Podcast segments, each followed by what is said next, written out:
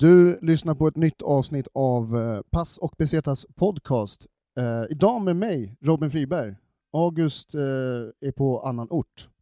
Men jag har med mig från, direkt från Jönköping, Gabriella Fält. Hej, Hej! kul! Välkommen till Pass och Besetas. Tack! Kul att vara här direkt från Jönköping. Härligt, Ja. härligt. Ska vi, eh, vi kicka igång det Ja, men det gör vi. Grymt. Absolut. All right.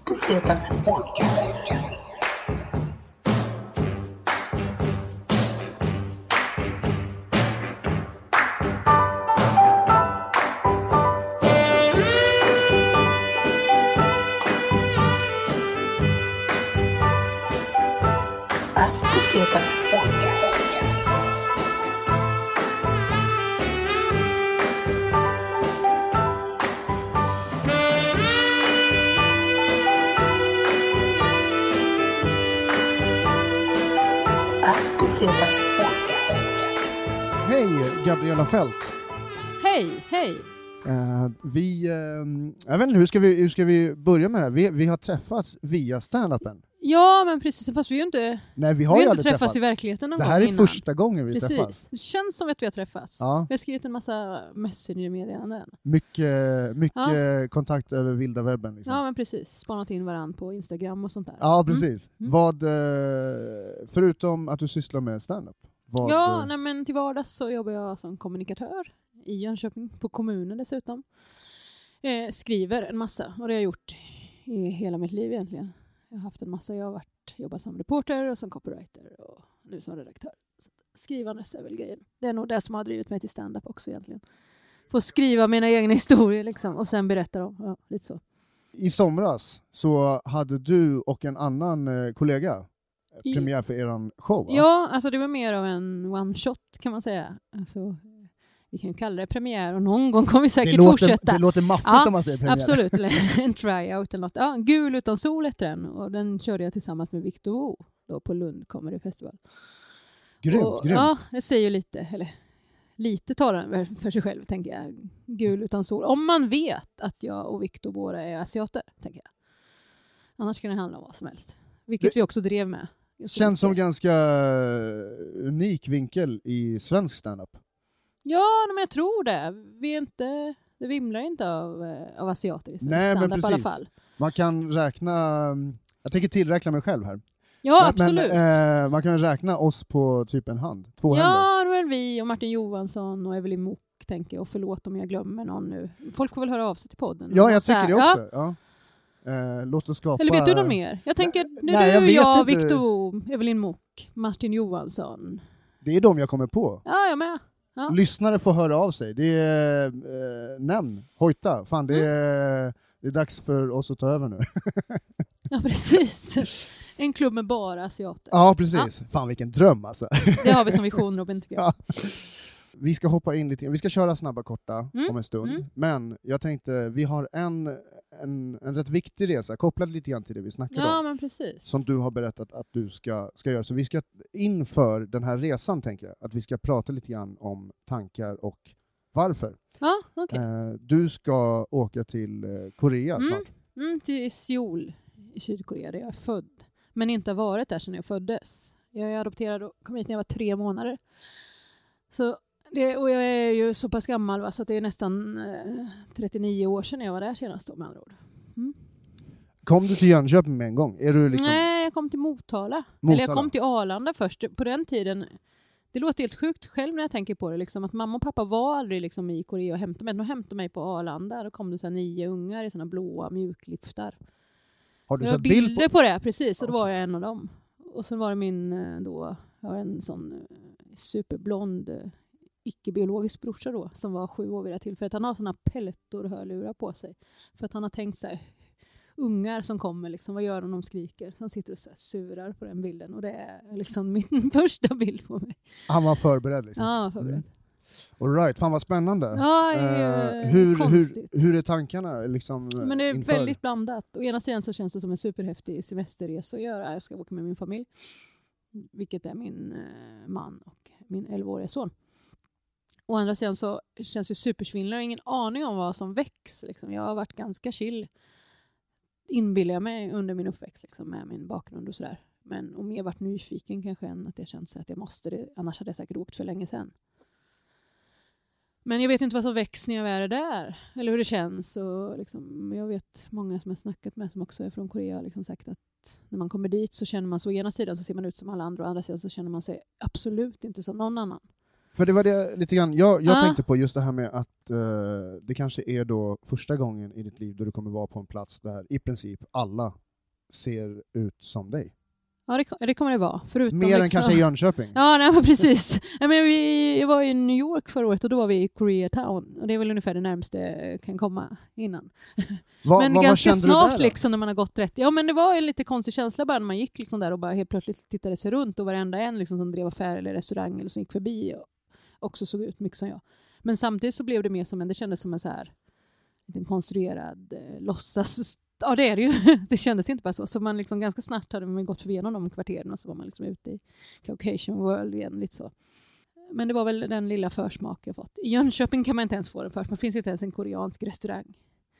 På tal om restauranger då, mat, finns det liksom, har du utforskat någonting av eh, det koreanska köket? Ja, nej, men varje gång jag är här i Stockholm så försöker jag käka koreanskt. Och sen, alltså det finns några sådana här som så bland och asiatiska i Jönköping så att, alltså jag äter väl, väl oväntat mycket bibim, bibimbap, heter det så? Jag vet inte, Ja, jag kan precis. Inte Jag, jag kan inte ens, heller kan inte uttala ens jag vet uttala vad så jag borde kunna. Ja. Borde sitta i ryggmärgen, men det gör det inte. Lite hemma sen vi växte upp. De försökte väl lite så här kompensera att vi aldrig har varit i Korea med att vi lagade koreansk mat, så kimchi och bulgogi och sådär. Men det var inte så trendigt som det är nu, så nu är det ändå lätt, lättare att liksom hitta koreansk mat och käka. Om vi gör så här, eh, vad är liksom eh, dina tre, eh, inte förväntningar, men dina tre största tankar som du har innan du åker till Korea, så kanske vi träffar dig och du är med i podden efter att du har varit i Mm, Korea. Vad, mm. vad tänker du då? Tre stycken saker som är så här, som du bara tänker om dig Nej, och Korea. Ja, liksom. nej, men en sak är ju så här att eh, jag har kollat upp på Google Maps exakt var jag är född. Jag har en adress liksom, på sjukhuset eh, där jag föddes. Och det är mitt i Gangnam, liksom, superexploaterat nu. Det finns inget kvar mer. Det var liksom lite skyskrapor och coola kontor. Så det är liksom att komma till den platsen, hur det kommer kännas. Liksom, jättekonstigt. Den har jag tänkt på mycket. Eh, och sen, är det, sen tänker jag att det är det där. Hur kommer det kännas när alla, exakt liksom när min familj kommer vara de som är minoritet eller liksom, kanske ensamma. Eh, men sen igen, liksom jag, jag tror inte att det har med att göra att jag är född jag tycker liksom, koreansk kultur verkar superhäftigt. Det är liksom allting, jag sa till dig innan, så här, att allting min son älskar, seriespelskultur och spelkultur och streetdance och streetfood och så, men det är allt jag älskar också. Eh, superhjältar och Pokémon liksom. Fan, Det här rosa, glittriga. Det ska bli Det är ju det perfekt. skulle bli superkul bara att upp- utforska det som en vanlig turist, eller ovanlig turist kanske. Ja.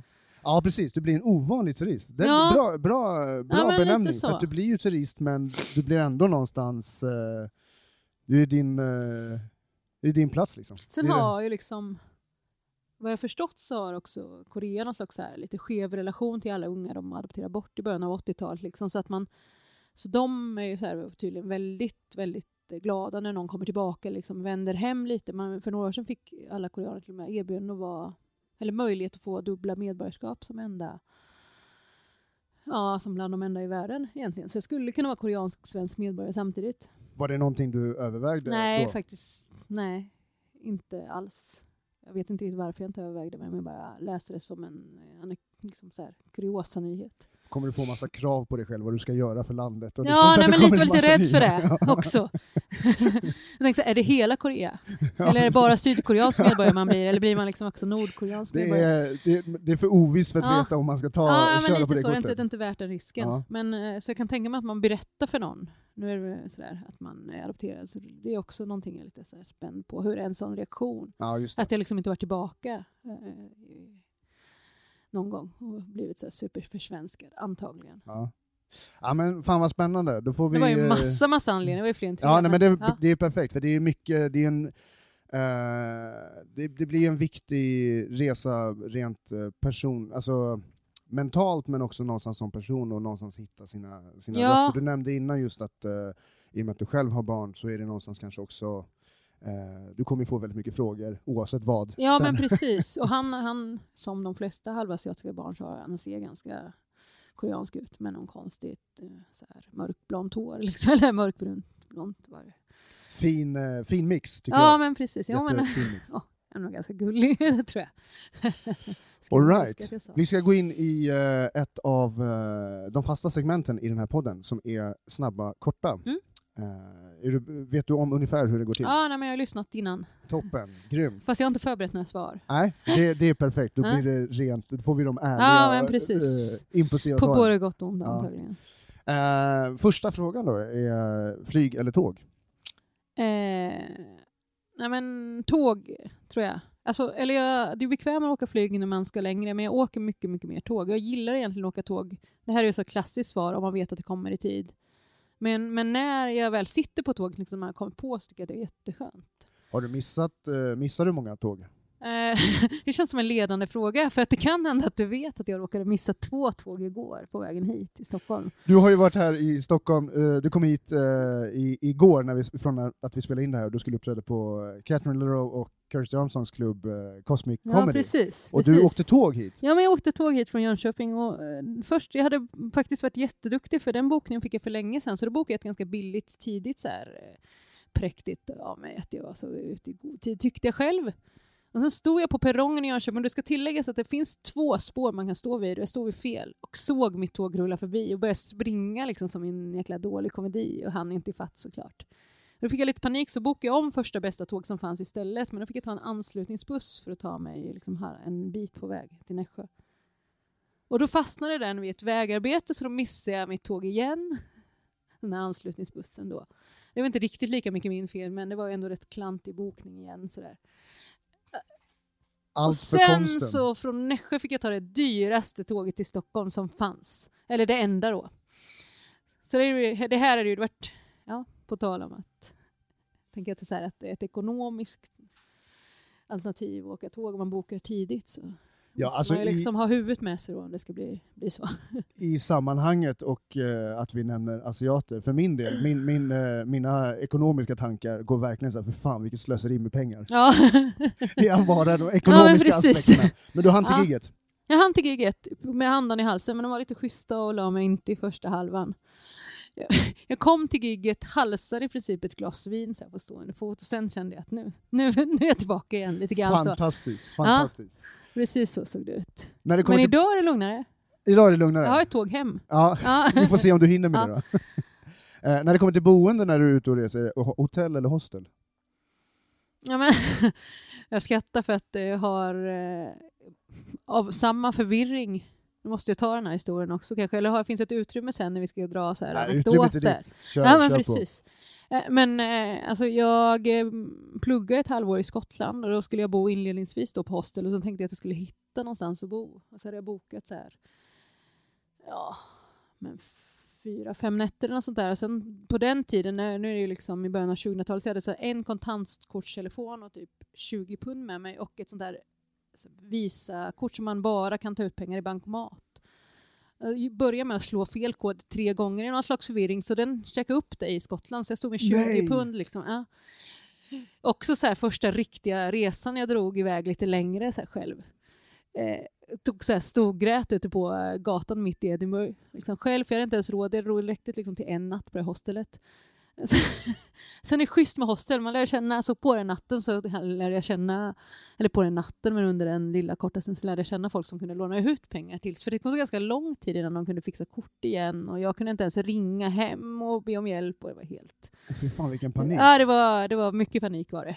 Ja, jag, jag skulle börja gråta. Alltså, jag hade lagt mig ner och gråtit i sådana situationer. Jag klarar inte av sånt där. Och sen fick men eh, den andra delen var så här, sen var det inte alls så jäkla lätt att hitta något boende då heller, för det hade jag heller inga, liksom, jag kunde inte gå in med några så här, eh, säkerhetspengar eller någonting, så jag bodde på det här hostelet i säkert tre veckor istället. Så, att, så jag känner att jag fått min beskärda del av hostel.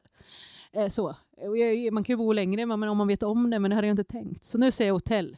Av den Det anledningen. gör du fan rätt i. Jag var en jag ofrivillig Ja. fånge på ett hostel. Ja, nej, men det blev lite så. Fast jag lärde känna supermycket folk och det var riktigt roligt sen när jag liksom hade lugnat mig lite. Och insåg att folk var schyssta, att de fattade liksom att jag inte hade här, hittat på den här sjuka historien. För varför slår man fel kod igen? Om man slår det en gång och det kommer upp så här fel kod, då chansar man ju inte två gånger till. Man Ja, är inte du dum gjorde i det, huvudet. uppenbarligen. ja, men precis. Åh jäklar, det här var, var bra hostelhistoria. Ja, här det är en, vinner eh, nästan pris i podden tror jag. Ehm, vi kommer till eh, en matrelaterad fråga här. Street Mm. food eller lyxrestaurang? Helt klart street food. Alltså jag är inte... Jag tycker det är jobb. Dels så gillar jag inte att, att vara så lite tyst och försiktig som jag får för mig att man behöver vara på en lyxrestaurang och så blir man aldrig mätt. Alltså jag, när jag är hungrig så är jag hungrig, tycker jag. Vad har du eh, upplevt den mest minnesvärda streetfooden? Mm, jag var i New York förra året, absolut där. Vad åt du för något? Eller vad var det Vad åt jag som- inte tänker. Men jag tycker det var nog eh, burgare på, det, vad heter det, Chic Shack. Hade en sån street food filial i någon park. Bara du- superenkel hamburgare som var godaste hamburgare jag ätit. Fan vad grymt. Ja. Fick du chans att se någon stand-up i New York? Alltså jag ville det men jag hade också med mig familjen då, framförallt 11-åringen som var ganska osugen på det. Inte lika Men jag fick gå till Café Wa där de har standupkvällar också med ett supercoolt ställe att lyssna på livemusik i alla fall. Så det gick han med på, det var kompromissen. Så här. Vi ville både gå på rockklubb och standupklubb fast vi plockade också med oss unge så man får, Ja, vi får göra en vuxenresa sen när han är, eller får ta med honom när han är 18 och kan gå på vad han vill. Liksom. Ja, precis. Så tyvärr, men jag måste tillbaka och kolla på standup där känner jag. Eh, alkohol eller cannabis? Alkohol. Jag, jag har aldrig testat cannabis så jag säger alkohol därför. Det återkom när jag har testat. Det är sjukt att testa första gången när man nästan är 40 år å andra sidan kanske, eller? Eller är det då man ska? Ja, det kanske öppnar upp, jag, jag vet inte, det, det, det, det, det, får, det får vara en avgöra. Det, det finns en eh, återstår att se Ja, kanske. nej, Ja. men jag säger alkohol. Eh, taxi eller kollektivtrafik? Eh, är igen som tåg och flyg. Jag åker mycket, mycket oftare kollektivtrafik. Men det är ju jäkligt bekvämt att ta en taxi. Men jag är snål. Eh, Som den asiat jag är. Nej då. Nej, får bli kollektivtrafik. Ja. Eh, vilket land har du liksom, eh, ja, kollektivtrafiken i Korea, har du kollat upp hur, hur den är? Det känns som Ja, att det är väldigt moderna tåg. Ja, men jag har jag någon bild av? Jag tänk, min bild är att det är som man bara sett på bilder, så här, framförallt då från Japan, tänker jag så här, supertrångt men jätteorganiserat. Men så gillar jag när jag drar mm, liksom jag är i städer och gå mycket. Alltså jag kan gå eh, oväntat mycket. För att jag är inte så mycket för att gå i, i, i min hemstad och Jönköping typ, när det inte finns något att se. Så jag tänker att vi ska gå jätte- jättemycket. Ja. Man liksom kan, jag tycker att man hittar saker som man inte hade trott att man skulle... Bland annat street food, om man går. ja. Spännande upptäcktsresor det kommer bli, garanterat. Ja, men jag att ni kommer... hoppas det. Mm. Eh, pool eller playa? Playa, helt klart. Eh, Jag, jag är klorallergiker, så därför kom det svaret väldigt fort. Ja, det är ju verkligen förklarliga skäl. Alltså. Ja. Ja. Eller eh, jag har eksem som inte gillar klor. Vart, Men som eh, gillar hav. som gillar det hav? är, okej, ja. Alltså det är bra med Så saltvatten. eh, saltvatten går bra, men inte klor. Nej, så då blir det ju playa. Eller ja, i och för sig om man vill bada, men det vill jag. Vart, har du liksom, vart är den mest minnesvärda playan du har? Nej, men vi har på? åkt ganska mycket. Vi har varit och luffat i Grekland flera år i rad. Eh, och hittat så här, vi har några kompisar som funkar som reseledare som åkt typ så här 20 år i rad till Grekland och åkt till olika okända småstränder på så här pytteöar utan turister. Och vi var, har varit på några sådana. Bland annat var vi på Foligandros. Och där fanns det så här, fick vi i boendet så fanns det en pytt, pytteliten strand men som vi var ensamma vid, liksom två familjer där hela tiden. Fantastiskt. Höga Fan, vågor och kristallblått. Ja. Det där är ju typ det resemålet som eh, många, många typ drömmer om att hitta. ja, men det gjort jävla det. Och vi så här, eh. all eh, ära till dem som, som liksom bara bokar. De kan lite grekiska. De är superbra på att spotta schyssta ställen och på något jäkla vänster så lyckas de varje gång. Jag tror att vi åkt med dem sex, kanske sju gånger. Det har varit lika bra varje gång. Vi, Fan vad härligt. ja, de borde starta resebyrå helt enkelt. Eh, Eller inte, för då kanske inte vi får lika bra ställen. Kanske precis, då kommer liksom turisterna. ja, precis. precis. exakt. Eh, om du skulle få välja mellan bungee jump eller spa, där det då får någonstans representera, söker du adrenalinkickar, adrenalin versus dopamin? Men alltså, den enda... Det är därför jag fortsatte med stand-up tror jag. Den typen av adrenalinkick har jag aldrig fått innan därför att jag är så himla feg. Men, man, men, så att jag har ju liksom aldrig hoppat bungee jump eller dykt djupt eller så här. Eh, så i vanliga fall är jag en spa-människa, men en, efter att ha kört stand-up och fått liksom känna hur det är med adrenalinpåslag så var jag lite sugen på fler adrenalinkickar kan jag säga. Så det är kanske typ ett jävligt bra stand-up-gig och sen få gå till spa-avdelning. Ja, men det låter ju... Så, samtidigt, sen brukar jag säga så att om någon efter ett gig, det, det kan, kan de nästan erbjuda mig vad som helst, så känner jag att jag skulle kunna, efter ett bra gig rättare sagt, så skulle man kunna sagt ja. Så det efter ett jävligt Alltså bra då gig skulle man liksom både kunna så här, ta cannabis och, och hoppa bungee jump, vilket är saker jag absolut inte gör i vanliga fall. Lite så. Ja men intressant, bra, bra att veta. så det är bra om folk kommer och erbjuder mig spa, för jag tror att det är liksom sundare för min hälsa. Jag ska ha det här i åtanke Ja. som, som arrangör av Stinger Comedy, så får vi se nästa år liksom, vad, vi kan, vad vi kan lura in det på. Vi har fått en ny fråga på Snabba Korta som är, eh, det är fri tolkning på det här. Greta Mm. Thunberg eller Elon Musk? Är du medveten om Elon Musk? Ja, absolut. Nej, men jag säger Greta Thunberg. Varför? Absolut. Nej, men jag, jag gillar Greta. Eller, absolut. Nej, men jag, dels så... Alltså, det hade ju varit gött att få köra en elbil, liksom, tänker jag. Men har jag inte, nu kommer, det låter som att jag är världens snålaste människa. Det är jag verkligen inte. Men jag, så här, jag stämmer in på fördomen mot asiater om att jag är väldigt dålig på att köra bil. Kul att du nämner det. Ja, Eh, jag har inget annat än att säga att jag kan instämma. Jag har en, en jättefin uh, faster som jag har åkt bil med i Malaysia. Ja. Det är några av de läskigaste bilresorna jag någonsin har haft i hela mitt liv.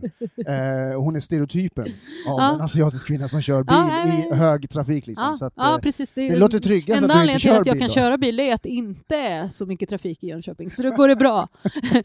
jag brukar kunna köra till Göteborg också, men då, då tycker jag att det är att köra storstadstrafik. Då kan man ju tänka hur det skulle vara om jag, jag kör ju helst inte ens här. Det har faktiskt hänt att jag har klivit ur bilen och bett min man köra in i Stockholm, liksom, att jag har kört till utanför tullarna och så har vi bytt. Och det är bäst för oss båda, det vet vi. Också kanske för att vårt äktenskap. Liksom. Bra självmedvetenhet ändå. Ja, nej, men det kommer när jag blir lite äldre. Så om vi tänker så här, Greta kör ju inte bil mot någon slags bilansikte så, så Nej. det blir Greta. Du har lite resor du, ska, du, du har tagit med dig som du ska berätta om i alla fall. Ja, nej, men dels var det ju den här Skottlandsresan. Vi har då, Skottland, jag ja. tänkte, För den var ju... Ja, men den började ju liksom under all kritik. Det finns nämligen en fortsättning på det där med kortet. Mm. Det började liksom, jag kom dit och så jag liksom, det var det första jag gjorde var att jag skulle ta ut pengar så jag skulle kunna betala liksom fler än en natt på hostellet och typ käka och sådana där grejer. Och min skola skulle inte börja förrän om, efter några veckor tror jag, jag kommer inte riktigt exakt ihåg. Det här är alltså i början av 2000-talet, så det är ganska länge sedan. Vad var det du skulle läsa då för någonting? Eh, jag skulle läsa journalistik och kommunikation bland annat. Så här, utbytestermin. Jag gick med i kommunikation i Jönköping och så körde en utbytestermin i Skottland. Och sen, eh, ja precis, det här är en, en del av historien också. Så hade jag frågat min nuvarande man som jag inte ens var ihop med på något sätt då, men kände. Han har varit i Skottland innan och pluggat och sa att det var superlätt att hitta boende. Så därför det var också en av anledningarna till att jag inte hade bokat något boende utan bara de här nätterna på hostel. Det var det du tänkte på när du tyckte fel kod tre gånger? Ja, precis. Så att liksom, det var väldigt ouppstyrt för det var ju jag, för jag är ändå ganska, eller hyfsat uppstyrd, liksom. var på den tiden i alla fall. Känns som att jag har gått åt fel håll i min utveckling, men i alla fall. Så eh, tryckte jag bort det kortet eh, och sen så eh, den här paniken och så bodde jag på hostelet och så träffade jag en, lite, en kvinna som bodde på det här hostelet och sa så här, nej men jag hänger med dig till banken imorgon liksom. För att jag har lite någon kontakt eller på något sätt så kan vi säkert lösa det.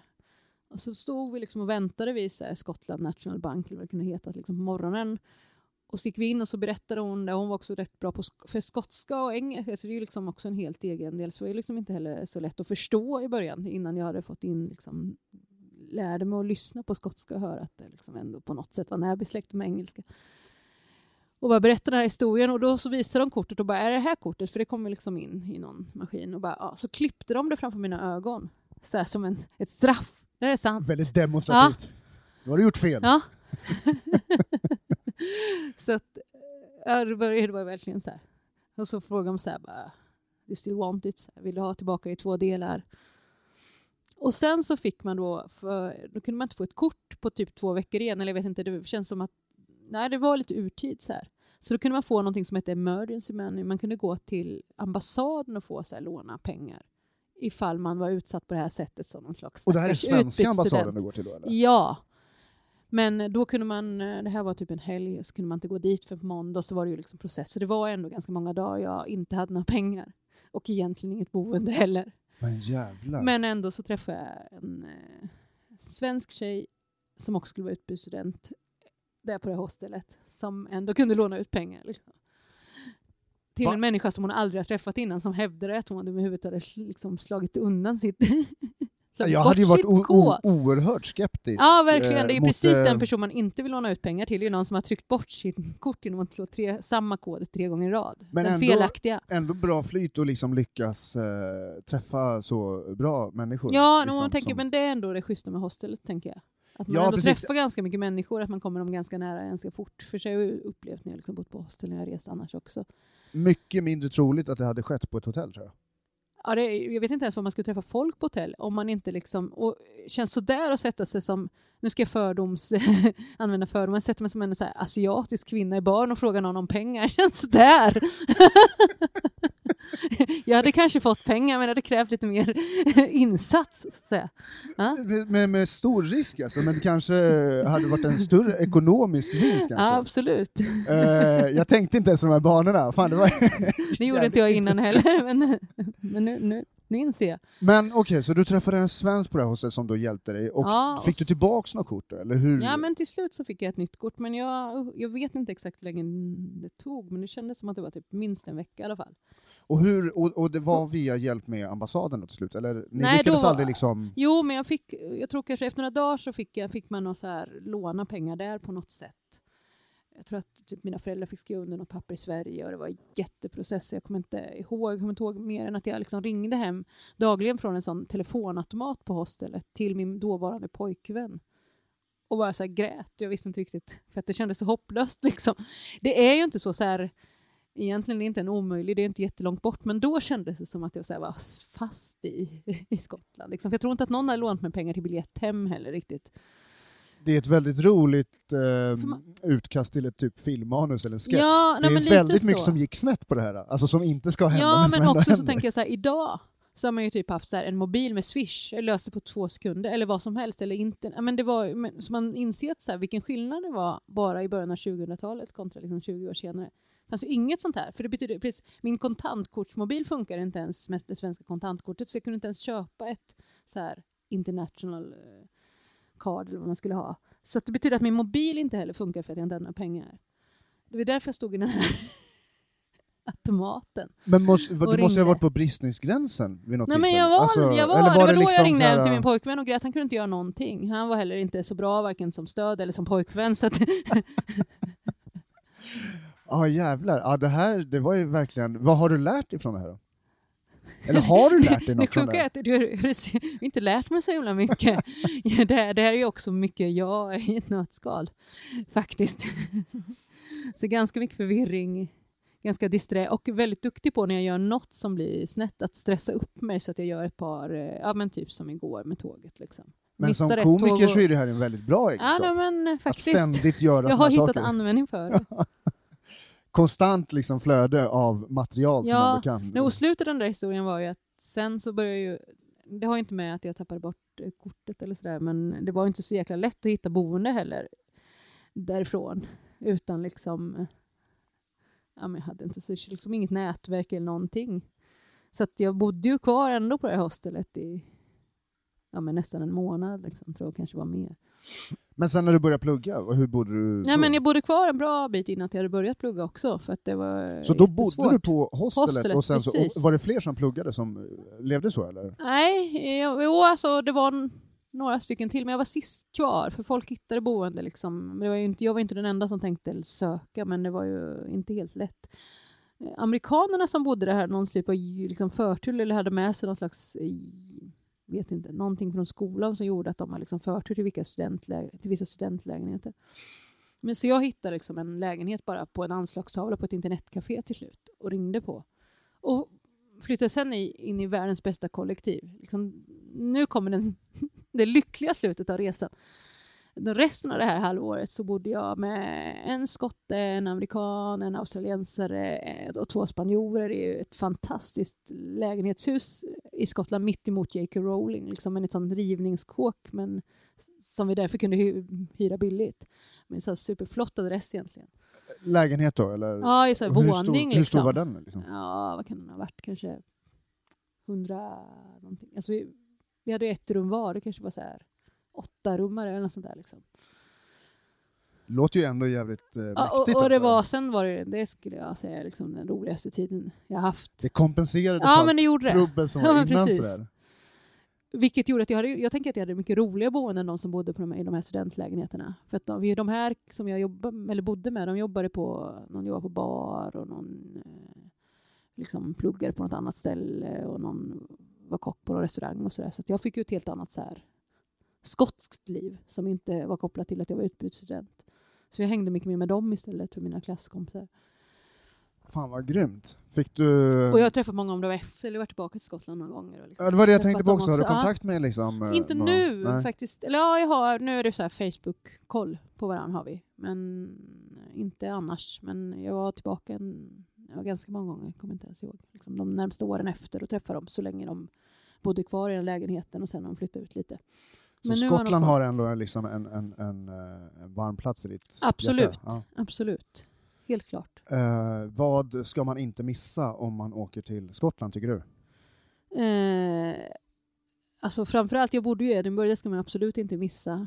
Eh, även om Glasgow ju är och huvudstad. Nej, hur är det? Jo, det ena är största staden och den andra huvudstaden. Det måste vara att Glasgow är störst och Edinburgh är huvudstad. Ja, jag, min, jag, jag, eh, jag har inte heller koll på det. Jag känner mig lite dum. Det är alltid så här när det är, eh, just när det kommer till geografi och eh, geografikunskapen. När det, är Ja. sån här, det är likadant som Australien, det är aldrig någon som har koll på vilken, vilken som är huvudstaden i Australien heller. Nej, men Edinburgh var en fantastisk stad på alla sätt. Jätte...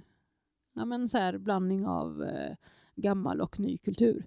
Alltså, Vad Så för typ av kultur på- fick du liksom eh, Ja, men de var så där? bra eh, klubb och restaurang och konsert och musikliv men samtidigt så är det ju så här jättegammal historia. Man, så här, de, det finns en hel underjordisk stad som var så svart eh, klubb, eller svart, svartmarknad liksom, eller vad heter det?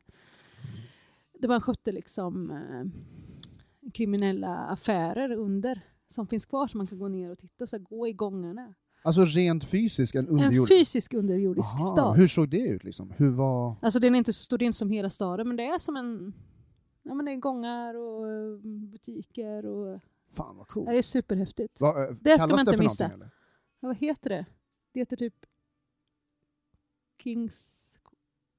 Jag vågar inte svara, jag kommer inte ihåg vad det heter. vi- vi för kollar upp det. Vi kollar upp det, ja. ja. Det får man inte missa. Det var superhäftigt. Plus att det finns jättemycket överhuvudtaget gångar under, liksom från slottet och genom hela staden som är så här de har massa såna här haunted tours.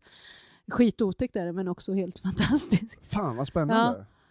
Vad- Det här vill jag uppleva. Ja, det, är här lät ju skit- superhäftigt. ja. Jag, jag tänker på att det finns ett... eh, Och det är så här gotisk stil också, så att det känns väldigt spökigt. Och mycket så här gamla halvbrända, nedbrända ruiner. Liksom. Fan vad läskigt. Ja. Det där är... Sånt där gillar jag. Ja, ja, men jag tänker att man, om man gillar fantasy gillar man Edinburgh, så kan man säga. Det känns som att leva i någon slags... Min, min starkaste koppling till Edinburgh är punkbandet eh, The Exploited. Ja, Är de, är de, hur, hur är de, är, är, det no, är det någonting som, eh, som man märker av där? Är det någon form av stolthet för Edinburgh? Eller alltså bara- när jag var där så var den största stoltheten eh, Henke Larsson som spelade i Celtic då. Ah, Eh, det också, var ingen som, det, liksom, om man sa att man var från Sverige så var det ingen som snackade om något annat. Eller man behöver inte ens säga att man var... eh, Man, liksom, det, var det var också komiskt. Här. Jag kommer som en superasiatisk men dock svensk. Och folk kunde ändå stå och skrika Larsson när jag kom in på en bar. när man liksom hade sagt att man var från Sverige. Och det roliga är att det är Henke Larsson som också är supersvensk i sitt utseende. Ja, Och på den tiden hade han långa dreads också. absolut. Intressant, att, eh, eh, intressant hur vägar kan korsas på något sätt. Annars var det nog så här Frans Ferdinand och Las Vegas musikmässigt, alltså typ så här britpop. Som Ja. jag mm, konsumerar mest själv. Inte jätte... Den Stor scenen koll stor på där? punkscenen. Ja, ah, nej men det var det då, så vet jag inte. Teenage Fan Club gjorde konserter också. Så här. Jag var där. Eh, har dålig koll på eh, den skotska punkscenen måste jag säga. Så jag inte säga att jag har så mycket bättre på någon, koll på någon annan, kanske svenska hyfsat. All right, fan vad, det här är fantastiskt. Fick vi både tips och få höra på eh, jävligt annorlunda typ av historier. Skitkul, skitkul. Förutom Korea, har du något annat så här drömresemål som du verkligen vill besöka, så på bucket list? Nej, men jag, precis, jag hade New York och den tog ju förra året. Då. Här, här nu går jag snabbt fram på min bucketlist här. Och Seoul har ju varit liksom. Men den har ju varit lite så konstigt. Å ena sidan har jag känt att jag måste åka dit såklart någon gång men det har också varit så ganska jobbigt att planera den resan. Eh, satt långt inne så jag har liksom själv upptäckt att jag har liksom gett mig själv så här eh, undanflykter. Typ så här, nej men nu ska jag ju snart ha barn. Och nu har jag precis fått barn. Nu går han, har han precis börjat skolan. Lite sådär. Eh, av egentligen ingen anledning, men jag har bara känt så här att det kommer vara fantastiskt men också blir det så här säkert lite känslomässigt jobbigt. Och, och det märker jag nu sen när man sitter och ska kolla Alltså jag läser ju massa restips och sådär men det både så här så känns det så svindlande så efter ett tag måste jag typ stänga ner lite för att det blir lite kan inte riktigt ta in. Och det är ganska säkert- förståeligt, någonstans. det är ju någonstans hela ditt liv det handlar om. Så det är någonstans Ja men också, precis. eh, Och jag fattar liksom att ja, men allting så här, det förhåller sig också till en... Alltså på något sätt när jag hittar ett ställe så här, ja vilket coolt café, ja det ligger precis här, typ 100 meter från där jag bodde på ett barnhem de första tre månaderna. Det blir så lite, väldigt konstig känsla. Sen kan jag ibland så här också, det är rätt gött att ha en 11-åring som liksom hans, hans stora mål med Korearesan att han ska åka, gå till ett tvättbjörnscafé på sin födelsedag. Det är Ja, fantastiskt. så det kan man ändå säga. Tvättbjörnscafé, Ja. vadå har de faktiska tvättbjörnar? Ja, det finns ett tvättbjörnscafé. Det bör alla googla upp. Det är oerhört gulligt ser det ut. Och också lite otäckt. De hänger så här ovanför på någon slags balkar. sitter folk och dricker cappuccino. Liksom. Bra mål alltså, bra Ja, plats att fira Så sin att jag försöker ibland, så här, när det blir för stort, så tänker jag på så här, hans födelsedag på tvättbjörnscaféet. Det, liksom, det är ändå ganska, det går att ta på. Och ändå liksom så här, lite fint möte av värdar. Vad- fan vad eh, spännande, Ja, men, spännande upplevelse. Jag tänkte, ja, det kommer ju bli det. Sen så, eh, när jag hade en sån här googlingsdag när jag faktiskt pallar och kolla så kollar det finns ju så mycket sjuka temakaféer förutom tvättbjörnskaféer och kattkaféer och sånt där som man har sett som även finns i Tokyo. Det fanns liksom något så här helt rosa inrett kafé där allting var så här helt fluffigt och man satt som på så här fluffiga moln. Det kändes som att vara i någon så här kawaii, som jag heller inte kan uttala. Kawaii? Ja, jag, jag, jag vet. vet inte heller, men jag tror att det, det är väl typ så här, alltså då, Det är så här gullig, de här gulliga figurerna. Så. eh, fan vad flummigt det lät. Ja, men, eh, hittar också ganska mysigt, Alla möjliga, så här, ett Pikachu-café där liksom alla, alla som jobbar är utklädda till Pikachu. Hur står sig låten Gangnam style i dagens läge tror vi? Jag vet inte, det senaste jag hörde om Gangnam style var väl att någon hade smugglat in den i Nordkorea och typ försvann efter den insmugglingen. Liksom. Mm. Läskigt. Ja, är, så att jag ska inte försöka smuggla in den i Nordkorea under mitt... Det kanske man inte ens vågar säga så här på inspelningen. Då kanske jag också försvinner. Så här. Ja, precis. Ja. Så blir det, ingen, eh, blir det ingen del två så är det av förklarliga anledningar. Nej, men det är lite roligt med Gangnam style. Just för att jag inser att jag är född i Gangnam. För det är ju allas relation till Gangnam, det är ju den låten.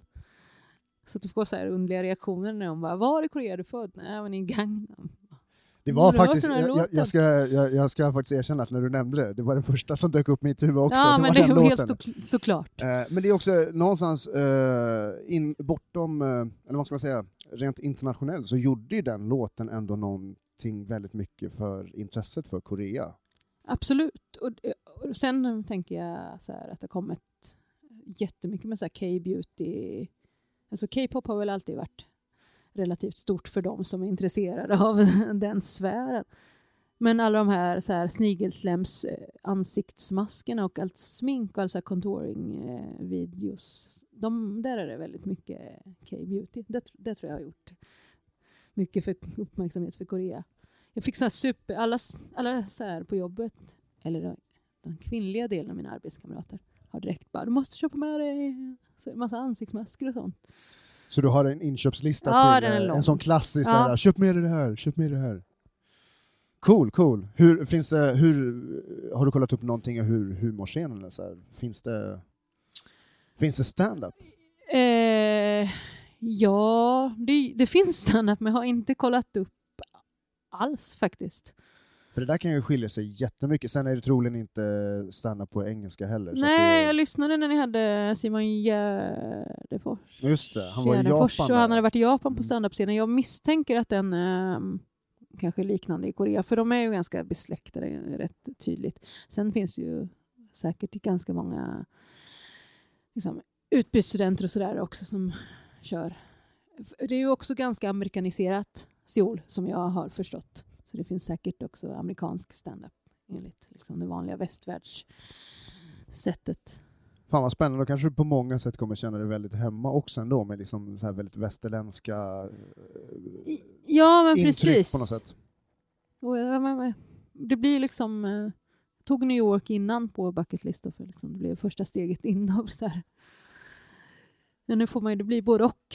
Liksom, tänker. Mm. Både resa efter rötterna och också få den här liksom, kulturgrejen som jag älskar med New York. Att allt är tillgängligt. Alltså, allt finns ju. Vad fasen man vill ens vill hitta på så finns det. Det känns som att så kommer det vara i Seoul också. Och kanske lite till.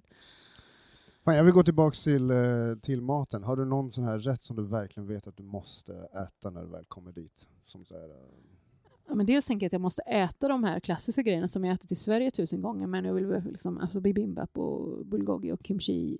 Så här, saker som jag bara tror att jag vet hur det smakar men aldrig har smakat på riktigt, antagligen. Sen måste jag käka ramen, tänker jag. Just det, just det. Och dumplings, förresten. Det kanske är det vi ska käka först av alla. Och sen eh, har jag lovat Theo då, som min son heter, han vill äta så här eh, KF, alltså KFC i alltså Korean fried chicken, inte Kentucky. Ah, vad, har de en egen eh, Nej, men de- tolkning på det? Eller? Ja, de, är- de är typ stora på friterad kyckling också. Men vadå, men den heter KFC även där? Ja, alltså de kallar det för KFC fast de menar en Korean. Fan vad, vad Ja. coolt. Så jag, vet inte, jag tror inte att det är en kedja utan det är mer att det finns på menyn med att det liksom har den samma förkortning. Och sen så är det något speciellt, den här friteringen ska vara fantastisk. Enligt Fan, Youtube, enligt Ja. min sons eh, forskning på Youtube ska Ja. sägas också. Men det kan vara ganska bra, i det här källa. läget kan det ju vara, ja men det kan också vara ganska bra läge, jag menar det är kidsen som Mm. har koll på har Jag tror koll på, många sätt att utbudet. han har mer koll på hela utbudet för att han, eh, han bor ju typ på Youtube och kollar jättemycket så här Seoul-klipp. Liksom. Så han, vet ju, han har ju en helt annan bild än vad jag hittar när jag så här, googlar turisttips gissar jag. Ja, Inte första gången jag är i Asien. Eh, annars har jag rest till ganska mycket storstäder i Europa framför allt. Men eh, det är mest- Favoritstad i Europa då? Eh, förutom Edinburgh så är det London. Alltså jag, är, jag gillar Storbritannien extremt mycket. Eh, trots att det regnar och så här. Men jag är ju också ett ganska starkt så här, eh, musikintresse och kulturintresse som sagt. Vilket har framkommit ganska tydligt. Mm. Och det finns ganska mycket. Och hämta. Sen älskar jag Berlin. Det var jag så sent som för några år sedan för första gången. Det var ju också...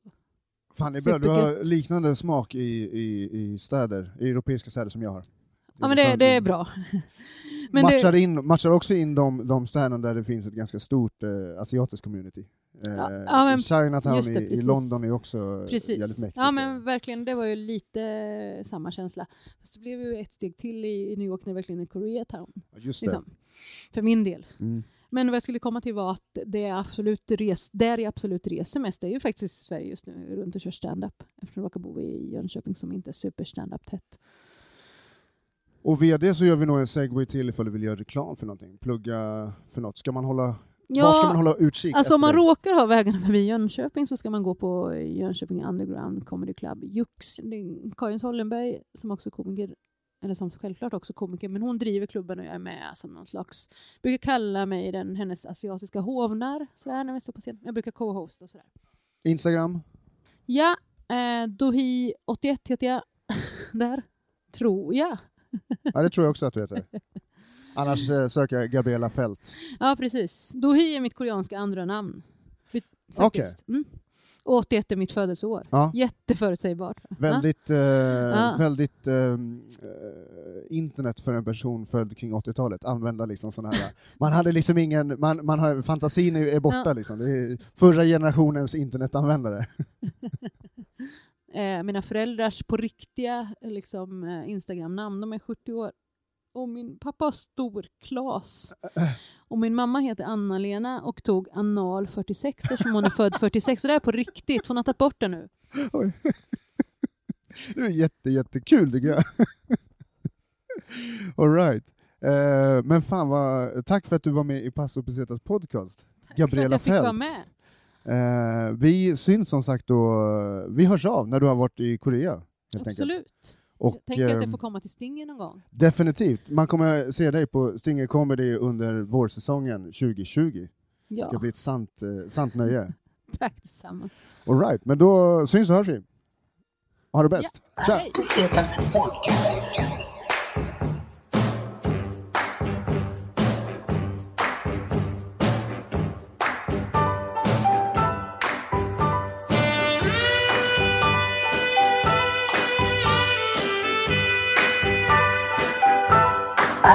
这个搞黄